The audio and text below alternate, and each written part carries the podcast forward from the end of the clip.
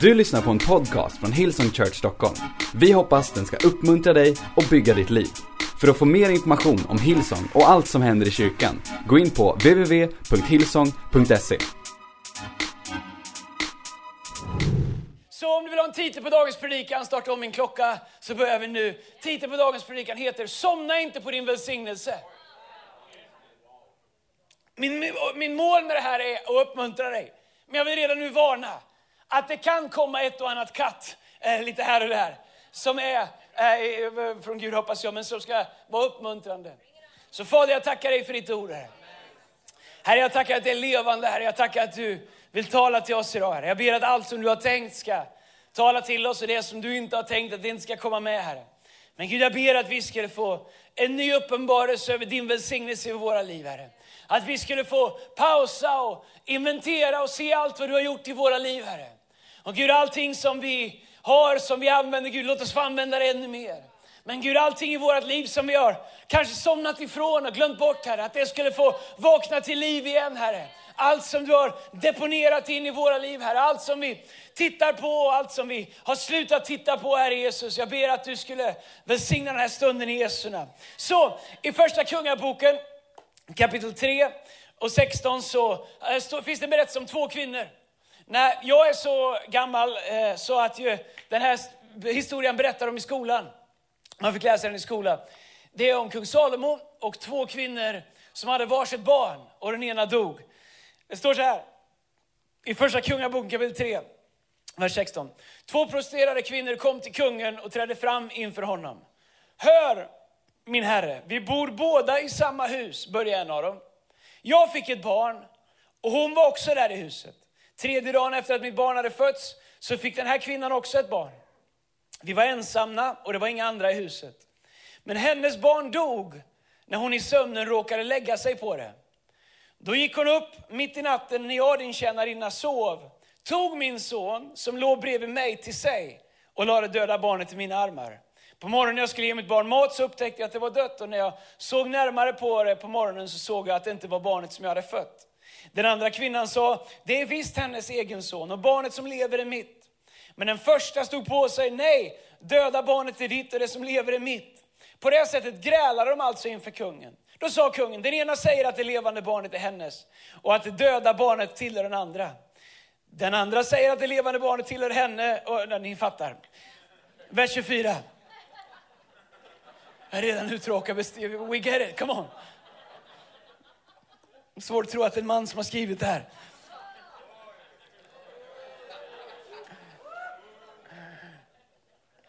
Vers 24. Ge mig nu ett svärd. Man hämtar ett svärd till kungen, hugg det levande barnet i två delar och låt de båda kvinnorna få varsin del, sa kungen. All right. Barnets mor som fylldes av kärlek till sin son utropade då, nej min herre, ge henne barnet istället, döda det inte. Nej, varken du eller jag ska ha honom, sa den andra kvinnan. Dela honom nu mitt i tu. Då befallde kungen, ge den levande pojken till den första kvinnan. Hon är hans mor. Jag vet inte om du har barn. Om du har det så hoppas jag att du vet om det. När vi fick vår första dotter Selina Joe så hon kom hem från sjukhuset och jag har ingen aning vad man gör med ett barn. Man, ingen säger hur det kommer vara. Det bara kommer ett barn och sen får man vara någon dag. Sen skickar de hem henne och säger lycka till. Och eh, jag kommer ihåg när Selina Joe kom hem och hon hade RS-virus hon var lite snorig och sådär. Vi skulle ha henne mellan oss i sängen, jag och Lina, för att kunna ha lite koll på henne. Och um, vi bullade upp henne med lite kuddar och sådär för hon var lite täppt. Och jag kommer ihåg att jag kunde inte sova på flera nätter. Jag var livrädd för att somna, för att jag skulle rulla över. Och, och liksom som, hur många förstagångsföräldrar har haft ett barn i sängen och bara tänkt det här är livsfarligt. Jag, jag, jag, kommer inte kunna sova. Jag låg där som en stålfjäder så här och tänkte om jag somnar så kommer jag rulla över barnet. Hur många vet att tre dagar senare så spelar det ingen roll vad som händer, jag måste bara sova. Come on, som bara. och barnet lever. Um, så, så två kvinnor har uh, fått varsitt barn. Den ena somnar på sitt barn. Den andra gör det inte. Den som har somnat på sitt barn går och byter barn med den andra. Han säger att det som är dött är ditt och det som lever är mitt. Jag läste den här texten, jag pratade med vårt staff eh, för några veckor sedan om den här bibeltexten. Och när jag läste den så funderade jag på, jag har aldrig somnat på ett barn. Men jag har somnat på välsignelser som Gud har gett mig. Vem vet vad den här kvinnan hade drömt om och längtat efter? Kan, kan, det står att de är prostituerade. Det betyder inte att barnet hade kommit till utan att de ville det. Kanske hade hon längtat efter att bli en mamma. Kanske hade hon stått i tro för att få ett barn. Kanske var det här någonting som, som hon verkligen, verkligen längtat efter. Jag vet inte om du har sådana saker i ditt liv där du känner att det här har jag verkligen längtat efter. Saker du har bett om, saker som du har, som du har stått i lovsång och sagt Gud ge mig ett mirakel. Gud ge mig ett genombrott. Gud öppna en dörr för mig. Gud ge mig din välsignelse. Men, men hur lätt är det inte när Gud väl har gjort det och vi har det i våran säng och somnar på det. Och när jag läste den här texten så började jag fundera på saker i mitt liv. Vad har jag för välsignelser i mitt liv som jag har somnat på? Som jag bara rullade över och glömde att jag hade. Och hur enkelt är det inte när vi somnar på våra egna välsignelser och tycka att vi borde få någon annans välsignelse. Kvinnan som har somnat på sitt barn, hon tänker jag löser det. Jag går och tar vad någon annan har. Så jag tänkte predika om det lite idag. Har du någon gång känt att du har somnat på din välsignelse. Det är en hypotetisk fråga, men en verklig fråga. Har du saker i ditt liv som en gång i tiden betydde så mycket för dig, men som du nu har sovit på? Kanske en vecka, kanske en månad, kanske i år. Eh, jag vet inte riktigt. Jag tycker det är fascinerande att växa upp med Gud. Alltså växa i sin tro med Gud. Å ena sidan så blir tron mer och mer mogen. Tillförsikten blir större. Man, man, man får en bra lunk med Gud när man växer i sin relation med Gud. Men å andra sidan så finns det något som jag inte tycker om. Som jag börjar upptäcka hos mig själv, eller ibland har upptäckt hos mig själv, som man måste fightas emot. Och det är det här att vi, vi blir för mogna för vissa saker som vi gjorde när vi var nyare i tron. Vissa saker som var självklara för oss när, i början av vår vandring med Gud. Men på något sätt så är det som att vi så lätt blir vi blir liksom vuxna och värdiga i vår tro på ett sätt som gör att vi enkelt somnar på välsignelser som vi var villiga att ge allt för att få tidigare i vår resa. Saker vi bad för, saker vi fastade för, saker som vi gav för, säd vi sådde. Och som vi nu helt plötsligt, om vi inte passar oss, kan både ha och mista i våra liv. Leva med och leva utan. Har du känt att du någon gång har somnat på din välsignelse? Något som du verkligen har bett om och sett Gud ge dig i ditt liv, men som du kanske inte ens har tänkt på på länge. Har du någon gång somnat på en välsignelse i ditt liv och istället för att förstå att det är det som har hänt börjat tycka att du borde få vad någon annan har? Varför är den så välsignad? Varför öppnar Gud dörrar för den personen? Varför får den personen opportunities? Varför verkar det som att Gud välsignar den och så, så missar du att samma sak finns i, i ditt liv och i mitt liv. Men vi har bara råkat rulla över och somnat på det så vi, vi, vi det, det känns som att det inte lever längre i våra liv. Jag upptäcker i mitt liv när jag somnar på saker som Gud har kallat mig till, hur, hur jag frestas att börja titta på vad Gud har kallat andra människor till. Jag har sett till och med i det som jag är kallad till att göra som pastor och som ledare och som predikant. När jag, när jag känner att jag inte riktigt liksom, eh, tar vara på det Gud har gett mig. Hur jag börjar jämföra mig med andra människor. Hur jag tycker att Instagram kan vara en förbannelse. När jag ser andra predika, när jag hör andra predika och, och sen så är det lätt att låta, oavsett vad det representerar i ditt liv, vad du gör på dagarna, börja jämföra sig med andra människors välsignelse. Och så ser man ner på det man har och så till slut så kan man börja somna på det. Om man inte passar sig. Det är det som Gud har kallat dig till. Det är det som Gud har positionerat dig i och satt dig i din vardag till att göra. Som från början var en dröm, som från början var ett mirakel. Men som nu bara blivit ett jobb, bara blivit en lunk. Det där som du bar inom dig, det där du ville bli, det där som du drömde om. Men som nu ibland bara är besvärligt. Kanske är det så att vi skulle behöva rulla åt andra hållet och låta Gud få väcka upp våra välsignelser. För kvinnan som vars barn levde, hon sa nej, nej, nej. Döda det inte. Salomon hade aldrig tänkt att klyva det mitt i men han visste att den som verkligen älskade det skulle hellre se välsignelsen leva. Även om det innebar att det inte var för henne själv. Men kvinnan vars barn var dött, hon tyckte att det är lika bra att döda båda, för är jag inte välsignad så ska ingen vara välsignad. Om det inte funkar för mig så ska det inte funka för någon annan. Problemet när vi somnar för våra välsignelser, på våra välsignelser är att vi tycker att ingen annan ska vara välsignad heller. När vi tappar bort vår glädje så blir vi provocerade av andras glädje. När vi tappar bort vår tacksamhet så kan vi ibland bli provocerade av andra människors tacksamhet. När vi somnar på vår egen välsignelse så vill vi göra alla andras liv likadana. Verklig välsignelse. Det handlar inte om vad vi kan äga eller kontrollera, utan det handlar om vad vi kan förvalta och se till att vi ger liv till. Att vi ser till att vi håller det levande. Jag skrev ner några saker uh, som händer när vi somnar på vår välsignelse. Det går undan lite idag, för jag har mycket att, mycket att prata om, hoppas ni hänger med. Men tre saker som händer när vi somnar på vår välsignelse. Det första är att missunnsamhet uppstår i våra hjärtan. Det finns en berättelse i Lukas kapitel 15 om den förlorade sonen. Och, äh, äh, han, han, han ber sin pappa om att få ut sitt arv. Och han tar pengarna och lever i, som han sa när jag växte upp, i sus och dus, vad gammalt det låter. Men okej, okay, han gick på lokal för alltihop. Och uh, till slut kommer han på när han är pank, hungrig och trött och utmärglad och bor bland grisar och önskar att han skulle få äta grismaten, men fick inte ens göra. Han tänker, jag hade åtminstone bättre hemma hos min pappa. Kanske jag kan få bli en tjänare eller en slav hemma hos min far.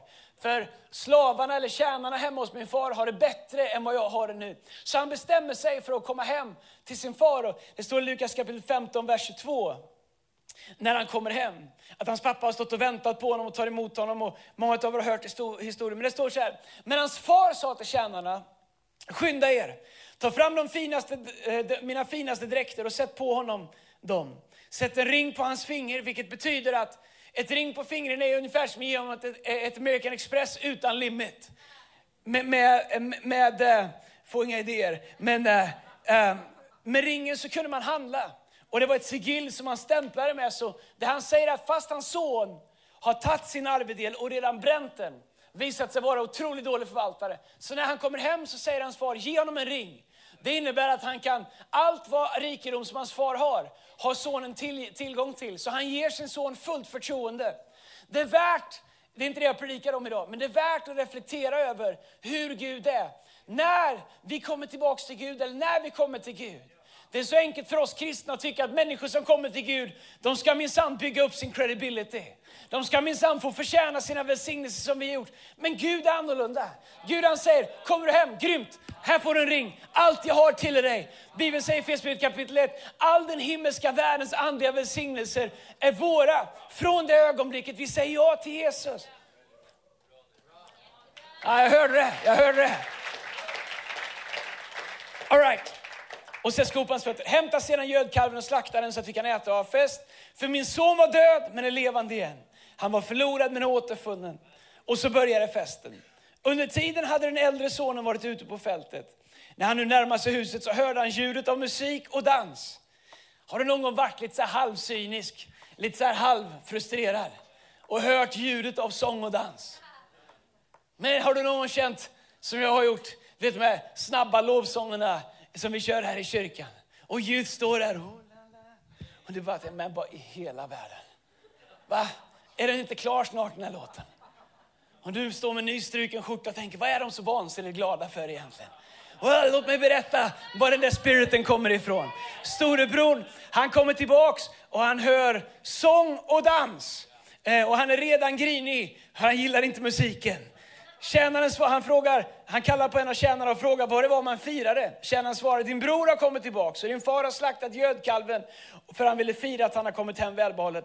Då blev den äldre sonen rasande och ville inte gå in i huset. Så han tjurar som en treåring. Nej, jag tänker inte gå in. Firar ni bara. Jag tänker inte vara med. Har du märkt när Gud välsignar någon någon gång?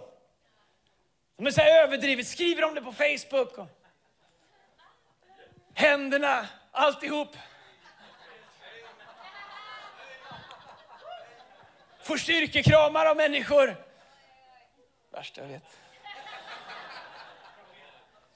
Och du står och jag tänker minsann inte fira. Kul för dig att du har sökt 14 jobb och fick det 15. Superkul. Ja, men på riktigt, jag är glad för din skull. Jag har bara sökt 25 jobb och inte fått något. Kul att du var på en dejt. Själv har man ju varit på Tinder i 14 år och ingen har swipat åt något håll. Ni som inte förstår det, ni kan googla. Eller om du, om du är gift så kan du låta det vara. Så han står utanför och grinar. Hans far gick därför ut och försökte övertala honom. Men han svarade, under alla dessa år har jag arbetat hårt, varit med i team, lett en connect-grupp, gett mig tionde, försökt att komma i tid och aldrig har någonsin, och, och, och hårt, och aldrig har någonsin vägrat att göra det du har bett mig, aldrig vägrat att göra det du har bett mig om. Ändå har du inte gett mig ens en killing så att jag kunde ha fest med mina vänner. Han är så grinig. Men nu när den är din son, nu är det inte hans bror längre. Men nu när den är din son kommer hem, slösar den. Och alla sparade så. Come on Simon, som har gjort slut på dina pengar tillsammans med prostituerade. Då firar du det med att slakta gödkalven. Mitt barn, sa fadern till honom, du är alltid hos mig och allt jag äger är ditt. Men nu måste vi vara glada och fira detta, för din bror var död, men är levande igen. Han var förlorad, men är återfunnen. Så storebror är arg. För att pappan är glad. För att hans förlorade lillebror har kommit hem. Jag tror att han tycker att det går för lätt. Så här lätt kan han kan inte komma idag och DJn har redan startat festen. Alltså kan vi åtminstone sätta oss ner och prata om hur hans återupprättelseprocess ska gå till här. Vi har en process för hur man kommer tillbaka när man har fallit, den är på minst fyra år. Vi har inte det, jag skämtar alltså.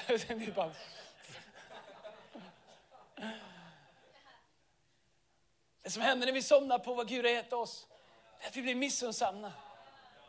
Läser om vittnesbörd om människor som kommer tillbaka och superlativen sprutar under dem. Du står utanför och du tänker min sann inte vara med i festen.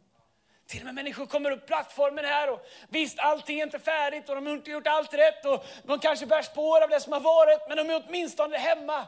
Och vi är glada och vi firar och hur enkelt är det inte för oss att ha en storebror-mentalitet. Åh, jag vet allt vad han gjorde för fyra månader sedan. Jo, men det är därför vi är glada att han är hemma nu, så att han inte är där han var för fyra månader sedan. Det är det evangelium handlar om. När vi somnar på våra välsignelser så fylls vi så lätt av missundsamhet. Vi tycker att våra rättigheter eller vad vi har gjort borde få styra hur fort det får gå och vad Gud får göra i andra människors liv. Vi kan inte glädjas åt det Gud gör. Det andra som händer när vi somnar på våra välsignelser, det kommer positiva saker på slutet, så håll bara i dig. Det är att vi blir cyniska. I första Mosebok så finns det en berättelse om eh, Abraham och Sara. Första Mosebok kapitel 18, vers 11. De är snart 100 år, Abraham snart 100 år och Sara snart 75 år och de väntar på löftessonen. Gud har lovat dem en son. Och, eh, eh, en dag så kommer några änglar förbi och vill uppmuntra dem om att det här löftet verkligen är sant, även om de får vänta på det. Så det står i första Mosebok kapitel 18, vers 11, står det så här. Men Abraham och Sara var gamla och hade nått hög ålder. Och Sara hade inte längre det som kvinnor brukar ha. Du får läsa in vad, vad det är själv. Sara log inom sig och tänkte, Ska jag känna åtrå när jag är utsliten och min gamla herre? Det de säger är att vi har skilda sovrum sedan många år. All right? Herren sa till Abraham, varför log Sara och tänkte, ska jag föda barn? Jag som är så gammal. Skulle något vara omöjligt för Herren? Vid den bestämda tiden nästa år kommer jag tillbaks till dig och då ska Sara ha en son. Då nekade Sara och sa, jag log inte, för hon blev rädd. Men han sa, jo, du log.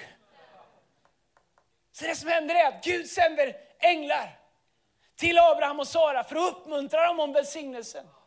Abraham säger, fixa käk, låt oss äta tillsammans, stanna över natt, var här, berätta mer. Men när Sara hör att änglarna säger, när, när vi kommer tillbaka här om ett år, då ska du ha fött en son.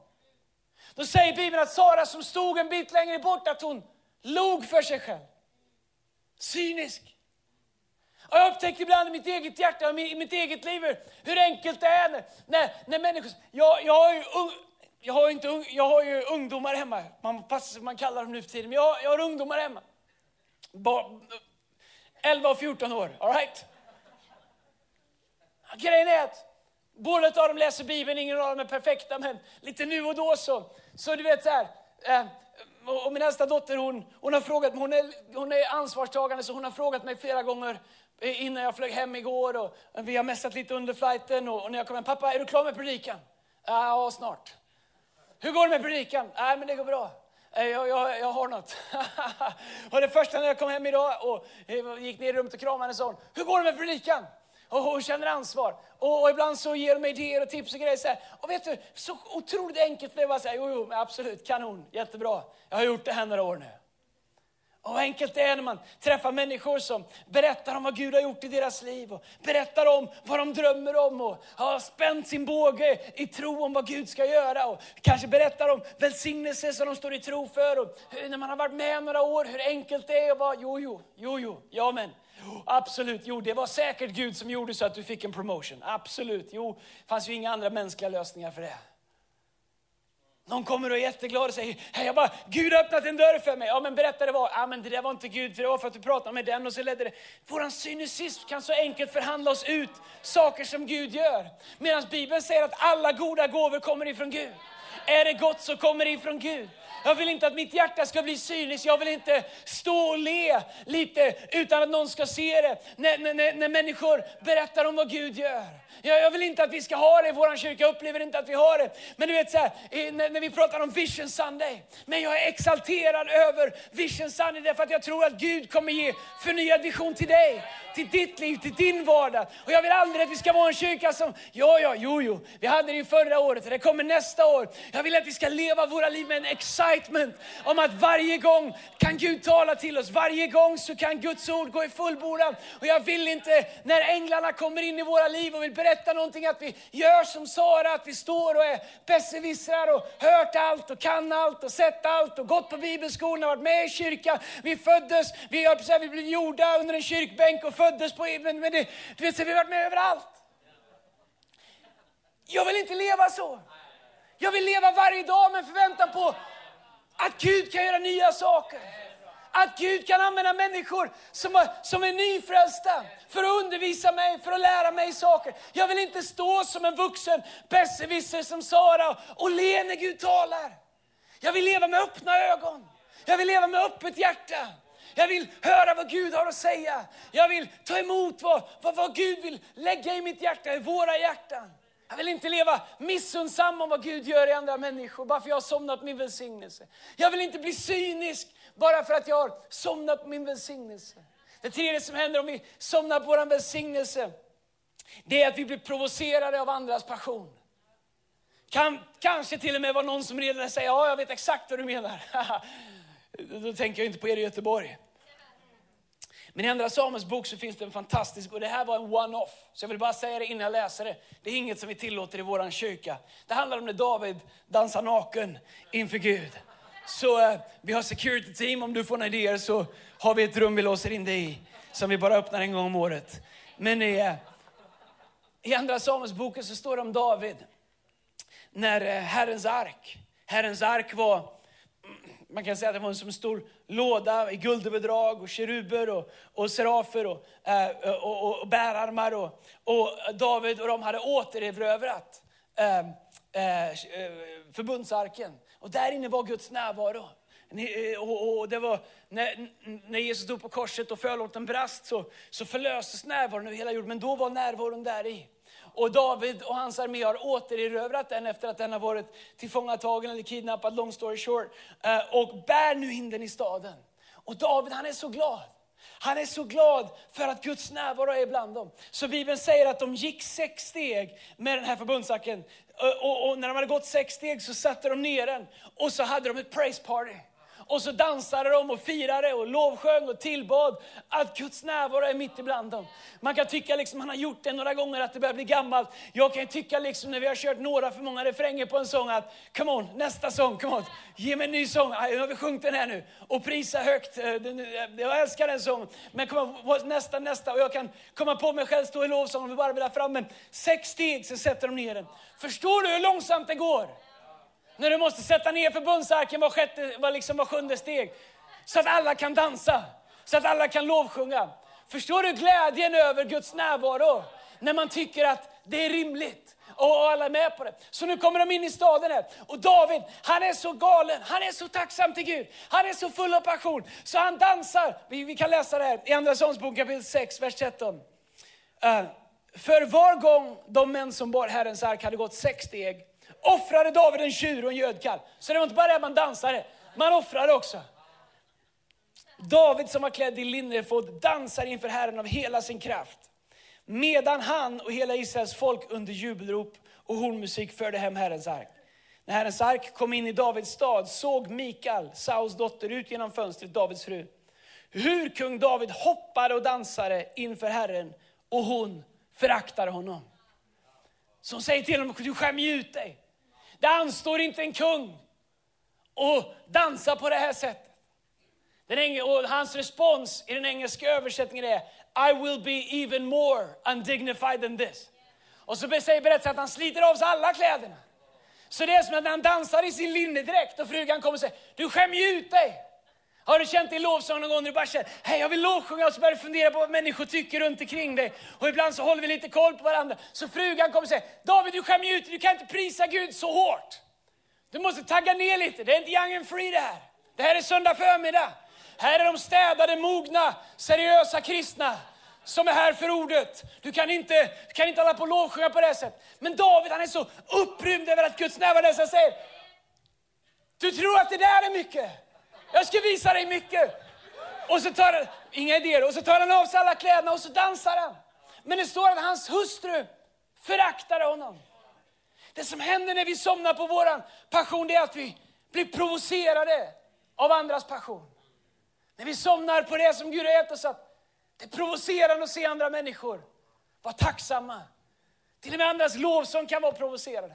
Varför är de så på i Hillsong? Men jag fick en krona varje gång de sa det när vi startade det här. När vi startade vår kyrka så fick jag många bra råd och så fick jag många andra råd. Och ett av de andra råden var, ni kan liksom inte göra här i Sverige som de gör i Australien. Förstår du, här i Sverige är människor tillknäppta.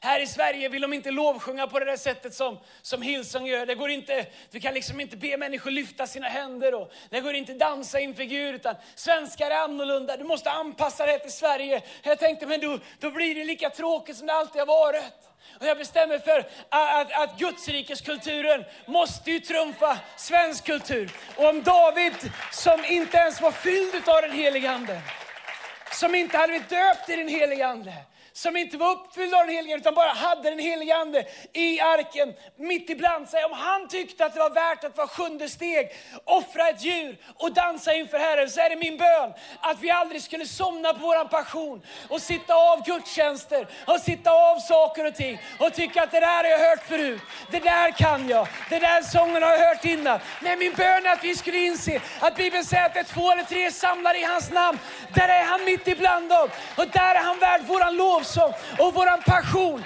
Och låt det aldrig bli så gammal så att du tar en baksätesposition och, men det där är bara för de unga, det där är bara för de nyfrälsta. De där växer upp och blir likadan som jag. Men min bön att om du tänker så är, så är min bön att de aldrig blir som du. Men tack gode Gud för våran kyrka. Därför att i våran kyrka så har vi människor som är mer passionerade ju äldre de blir. Som är mer förälskade i Jesus. Bibeln säger, låt er ständigt uppfyllas utav anden. Ständigt! Låt oss aldrig somna på vår passion. Vi är en tillbedjande God praising church och lite nu och då så borde vi bara ta av oss skorna, röja undan stolarna lite grann och ha ett Holy Ghost praise party. En del utav er, ni skulle bara ta av er kavajen och loss, inte lossa på höfterna men, men du vet så här. Loosen up a little bit. Väcka er passion, väcka er välsignelse. Påminna om vad Gud har gjort. Bibeln säger, glöm inte allt gott som han har gjort. Så David han säger, I will be even more undignified than this. David är upptagen med att tillbe Gud. Därför att Guds närvaro är mitt ibland dem. Jag har aldrig hört en person som lever i tacksamhet ha problem med andras passion. Men när jag börjar tappa min tacksamhet och vår passion och glädjen i frälsningen, då, då börjar jag tycka att omgivningen ska anpassa sig lite grann. När jag inte känner för att lyfta mina händer då är det lätt att bli provocerad av människor som lyfter sina händer. Men en del av er är så passionerade, passionerade er, ni liksom lyfter händerna under church news. Come on somebody, ni är bara med på allting. Musiken börjar, ni är, you're ready to go. I love it. Men jag börjar tappa min... Men jag har också säsonger där man känner att man utav olika anledningar inte underhåller det där. Man börjar tappa det här. Jag kan också ibland stå här i lovsången, eller vilken campus jag är på, tycka att det var väldigt vad de tar i. Och jag vet att lite nu och då så tar mänsklighet över och någon vill synas lite mycket, men det, det har vi råd med. Det är inga problem. Det är värre när jag står med korslagda armar och undrar när nästa program i mötet ska hända. Och tappar bort min glädje, tappar bort min passion. All right, så uh, hur kan vi hålla vår passion levande på de sista fem minuterna? Hur kan vi hålla vår välsignelse levande? Hur kan vi bevara glädjen i välsignelsen och inte somna på den? Tre saker. Nummer ett, förakta inte vad du har. Det står i Sakarja kapitel 4, vers 10. I den engelska översättningen står det Don't despise the small beginning. Förakta inte den ringa begynnelsen. Förakta betyder, jag har sagt det tidigare en gång, innebörden av det ordet är ungefär som att om vi går på restaurang. Jag beställer en stor T-bone steak, eller ja, en eh, stor sallad eller vad man nu beställer. Okej, okay. eh, fisk. Fisk, okej okay. alla glada då? Fisk går bra. Fisk, okej. Okay. Och du beställer en stor sallad. Eller tvärtom. Det är vad det är. Och när våran mat kommer in så tittar jag på min mat. Och så tittar jag på din mat. Och så tänker jag, jag önskar att jag hade vad du hade. Jag önskar att jag hade beställt vad du beställde. Ska jag vara helt ärlig, så om historien ska vara riktigt ärlig, så hade du beställt en stor köttbit och jag hade beställt fisk. Och när maten kommer in, tittar på min fisk och jag tänkte, jag önskar att jag hade beställt det där. Det är det Bibeln betyder, don't despise, förakta inte. Att förakta, att se ner på det man har själv. Och tycka att andra saker är bättre. Det som händer när vi eh, föraktar det vi har, är att vi börjar se ner på det vi har. Och vi börjar tycka att det jag har är inte värt någonting. Det jag har är inte så mycket jämfört med vad andra har. Och så tycker vi att vad ska jag göra med det här? Och så lägger vi någonstans där vi somnar bort ifrån det. Men du förstår, Bibeln säger att förakta inte den ringa begynnelsen, för Herrens glädje i det. Jag tror att Gud är minst lika glad, eller mer glad när vi börjar än när vi slutar. Men se, vi har den här liksom, tanken i våra liv, att vi vill leva våra liv från slutet och tillbaka. Vi vill liksom vara färdiga, vi vill ha allt, vi vill att allt ska vara klart. Och, och Medan Gud säger, hej, följ mig, så ska jag göra dig. Gud är lika intresserad av vår resa, därför att under resan som han formar oss till att bli lika honom. Men vi är alltid så stressade att komma till den punkten där välsignelsen är här, livet är här, det jag bett om är här. Jag vill vara färdig och så tittar vi på någon annan som vi tycker är där. Och så är vi frustrerade på Gud att han inte redan har tagit oss dit. Det enda, det enda vi behöver göra är att titta på det som Gud har lagt i våran hand. Och säga, Gud vad vill du att jag ska göra med det jag har? Och inte förakta det som är litet i början, därför att allt som kommer bli stort kommer börja som litet. När vi startade den här kyrkan, det var ingenting. Vi hade inte ens kunnat fylla första raden på någon av våra camps. Det var ingenting. Och människor var noga med att peka ut det lite nu och då. Att det var ingenting. Någon sa till mig, är det inte bättre att du går med i våran kyrka? Ta med dem där du har. Ni är ju ändå ingen riktig kyrka, ni är bara ett lovvärt ungdomsinitiativ. Gå med hos oss så kan ni få hjälp med administrationen. Varför? Administration, vi har tio pers, vi har inget att administrera. Men det bästa de kunde säga till mig var att det här är ingen riktig kyrka, det går med bränsle för tio år framöver. Come on, I'm gonna show you. Ibland när vi tittar på det vi har, vi kan strunta i de andra punkterna. Ibland när vi tittar på det vi har och ser ner på det vi har, så lägger vi det åt sidan. Men vet du, nyckeln till att leva i välsignelsen, vad tog min keyboardist vägen? Eh, I need the Holy Spirit. Där är han, så ser han ut. Alltså keyboardisten, inte den helige Ande. De är lika men ändå olika. Ibland när vi tittar på det vi har så är det så enkelt att titta på det och säga, vad ska Gud med det här till? Och vet du, jag, jag kan förstå, för jag kan känna så själv ibland. Om du kommer och tänker att åh vilken stor kyrka det här är. Det här är inte en stor kyrka, det här är en liten kyrka, mycket folk. Och det kan vara enkelt att tänka, vad ska Gud använda mig till? Och, och vad ska Gud göra med min dröm?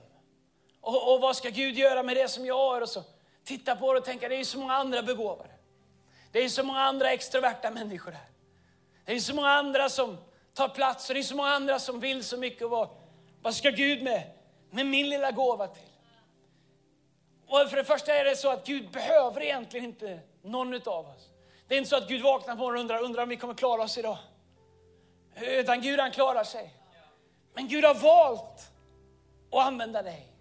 Gud har valt att arbeta genom dig. Gud har valt att använda genom oss. Därför har han lagt saker. Och Det finns en frestelse när vi växer upp i våran tro, när vi växer upp i vår relation med Jesus. Att vi blir så vuxna, att vi tänker att det där hängivenheten, det där efterföljelsen, det där passionerade liksom, inställningen till att följa Jesus, att det, det hade med den första tiden av vår relation med Gud att göra. Så blir den vuxen och värdig och så, så börjar vi tycka antingen att vi behöver göra viktigare saker eller så tänker vi, äh, det finns så många andra nu. Min gåva behövs inte. Men vet du, Gud har lagt någonting i ditt liv. För att Gud vill använda det. Och jag upplevde när jag bad över det här och när jag förberedde mig och när jag mediterade budskapet på flighten hem från Chicago i natt. Att jag skulle säga att det finns människor i våran kyrka som har följt Gud så länge. Som inte använt sina gåvor på så länge. Det finns människor i vår kyrka som har förhandlat med sig själva att det var för den där tiden. Men Gud säger i Bibeln att han aldrig ångrar sina gåvor. Att han aldrig tar tillbaka sina gåvor. Det finns inget bäst före-datum. spelar ingen roll om du, om du inte använt dem på ett tag eller om det är så att du till och med har misslyckats tidigare eller vad det beror på att du inte använder dem. Men jag skulle vilja säga, och jag tror att jag säger det å Guds vägnar, att Gud undrar varför du har somnat på din gåva. Men jag skulle också vilja säga till dig att i det ögonblicket du bestämmer dig så kan allt det som Gud redan har lagt på insidan av ditt liv bli levande gjort igen. Eftersom han aldrig ångrar sina gåvor.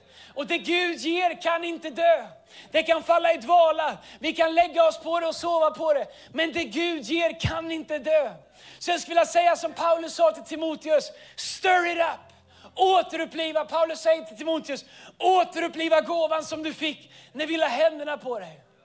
Vet du, jag tror att det finns, människors, det finns människor vars framtid står och faller på att vi lever i de gåvor som Gud har gett oss. Det finns människor, familjer, unga människor, äldre människor vars framtid står och faller på att du lever i din gåva. Därför att Gud har orkestrerat så att din väg kommer korsa deras väg. Och de behöver inte bara möta en fin person som går till kyrkan och ger tionde och inte svär. De behöver möta en människa som har någonting ifrån Gud, som kan ge någonting ifrån Gud, som kan ge dem någonting som de kommer behöva för att få sitt liv förvandlat och förändrat. Och Gud har placerat dig där du är i din vardag. För att Gud vill använda dig. För att din gåva räknas. För att det som du har är värt någonting. För att det som Gud har gett dig är av värde. Så jämför inte med vad någon annan har. Tro inte att det var för en annan tid. Somna inte på det, utan låt Gud använda det. Ge det till Gud. Min bön är att det här året 2020 att det skulle vara ett år när vi fick återuppliva våra gåvor. När Gud fick ge oss nytt vin, när Gud fick ge oss ny ande, när Gud fick ge oss ny vision. Och min bön när Vision Sunday är att du inte skulle tro att det är någon slags Hillsong kick-off, utan att du skulle förbereda ditt hjärta på ny vision, på nya tilltal, på att Gud skulle tala till dig personligen om det som Gud har kallat dig till. Vad skulle hända? En armé av människor i vår kyrka, tusentals människor som bestämde sig för att leva varje vecka med de gåvor som Gud har gett dig på insidan. Så att Gud kan använda dem för varje människa som du möter. För att du ska vara den person som Gud har tänkt att du ska vara. Så att vi kan göra det som Gud har kallat oss till att göra. Somna inte på din gåva. Utan låt den helige Ande återuppliva den. Låt honom få använda den. Sätt upp nya trosmål. Spänn din båge igen. Och har du spänt din båge och du kände att den brast, så ta en ny båge och spänn den igen. Därför att Gud han lämnar dig aldrig, han överger dig aldrig. Han letar inte efter perfekta kärl, han letar efter tillgängliga kärl. Bibeln säger den tynande veke ska han inte utsläcka. Jag kanske känner att din gåva bara är en tynande veke. Eh, det är allt han behöver för att bara blåsa på den lite grann så att den kan flamma upp igen. Och du kan känna det här som du en gång kände, att det var någonting, det betydde någonting. När vi lovsjunger, när vi öppnar ordet, när vi berättar om vittnesbörden om vad Gud har gjort. Den första kärleken som du kände, när allt inom dig sa halleluja, men när du kände varje gång att du ville göra som David och bara ta det skorna lite grann och tacka Gud för vad han har gjort. När du vill kliva ur din värdiga sån kostym och bara känna, I gotta praise him a little bit. Därför att han har varit god mot mig, han har varit trofast mot mig. Han lämnade mig inte, han övergav mig inte. Så jag behöver prisa honom lite grann. När du puttar till grannen och säger, ge mig lite utrymme. Därför att det här är min söndag. Jag behöver tacka honom lite extra den här söndagen för han har varit med mig den här veckan. Come on, låt oss bestämma oss för att ha en ande som inte somnar på våran tacksamhet till Gud. Come on, ska vi stå upp tillsammans på våra campusar. Medan lovsångstimmen kommer upp. Jag ska be en bön. Kom ni. Det finns inget att vara rädd för här uppe. Vi ska sjunga här sången och prisa högt. Jag skulle utmana dig när vi gör det. Jag kommer inte be för det, men när vi sjunger den här sången på alla våra campusar. Om du känner att det finns områden i ditt liv som behöver vakna till liv igen. Där du kanske har somnat på eller gett upp på eller tappat bort eller trott att du inte kan använda det. Kanske någon har sagt eller gjort något och du tror att du är diskvalificerad. Låt mig bara säga, det är du inte. Det är omöjligt att bli diskvalificerad i Guds rike så länge du vänder ditt hjärta mot Jesus. Men när vi sjunger den här sången, om du känner att det är någonting i det här som har talat till dig, då vill jag att du skulle glömma den du står bredvid och ha ett moment med Gud som David hade. Där du behöver inte dansa och springa och ta absolut inte av några kläder. Men där du står, connecta med Gud. Stir up your spirit, återuppliva din gåva i er. Låt oss sjunga tillsammans.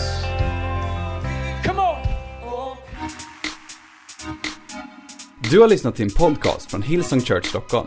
Om du vill veta mer om vår kyrka eller om våra söndagsmöten, surfa in på www.hillsong.se.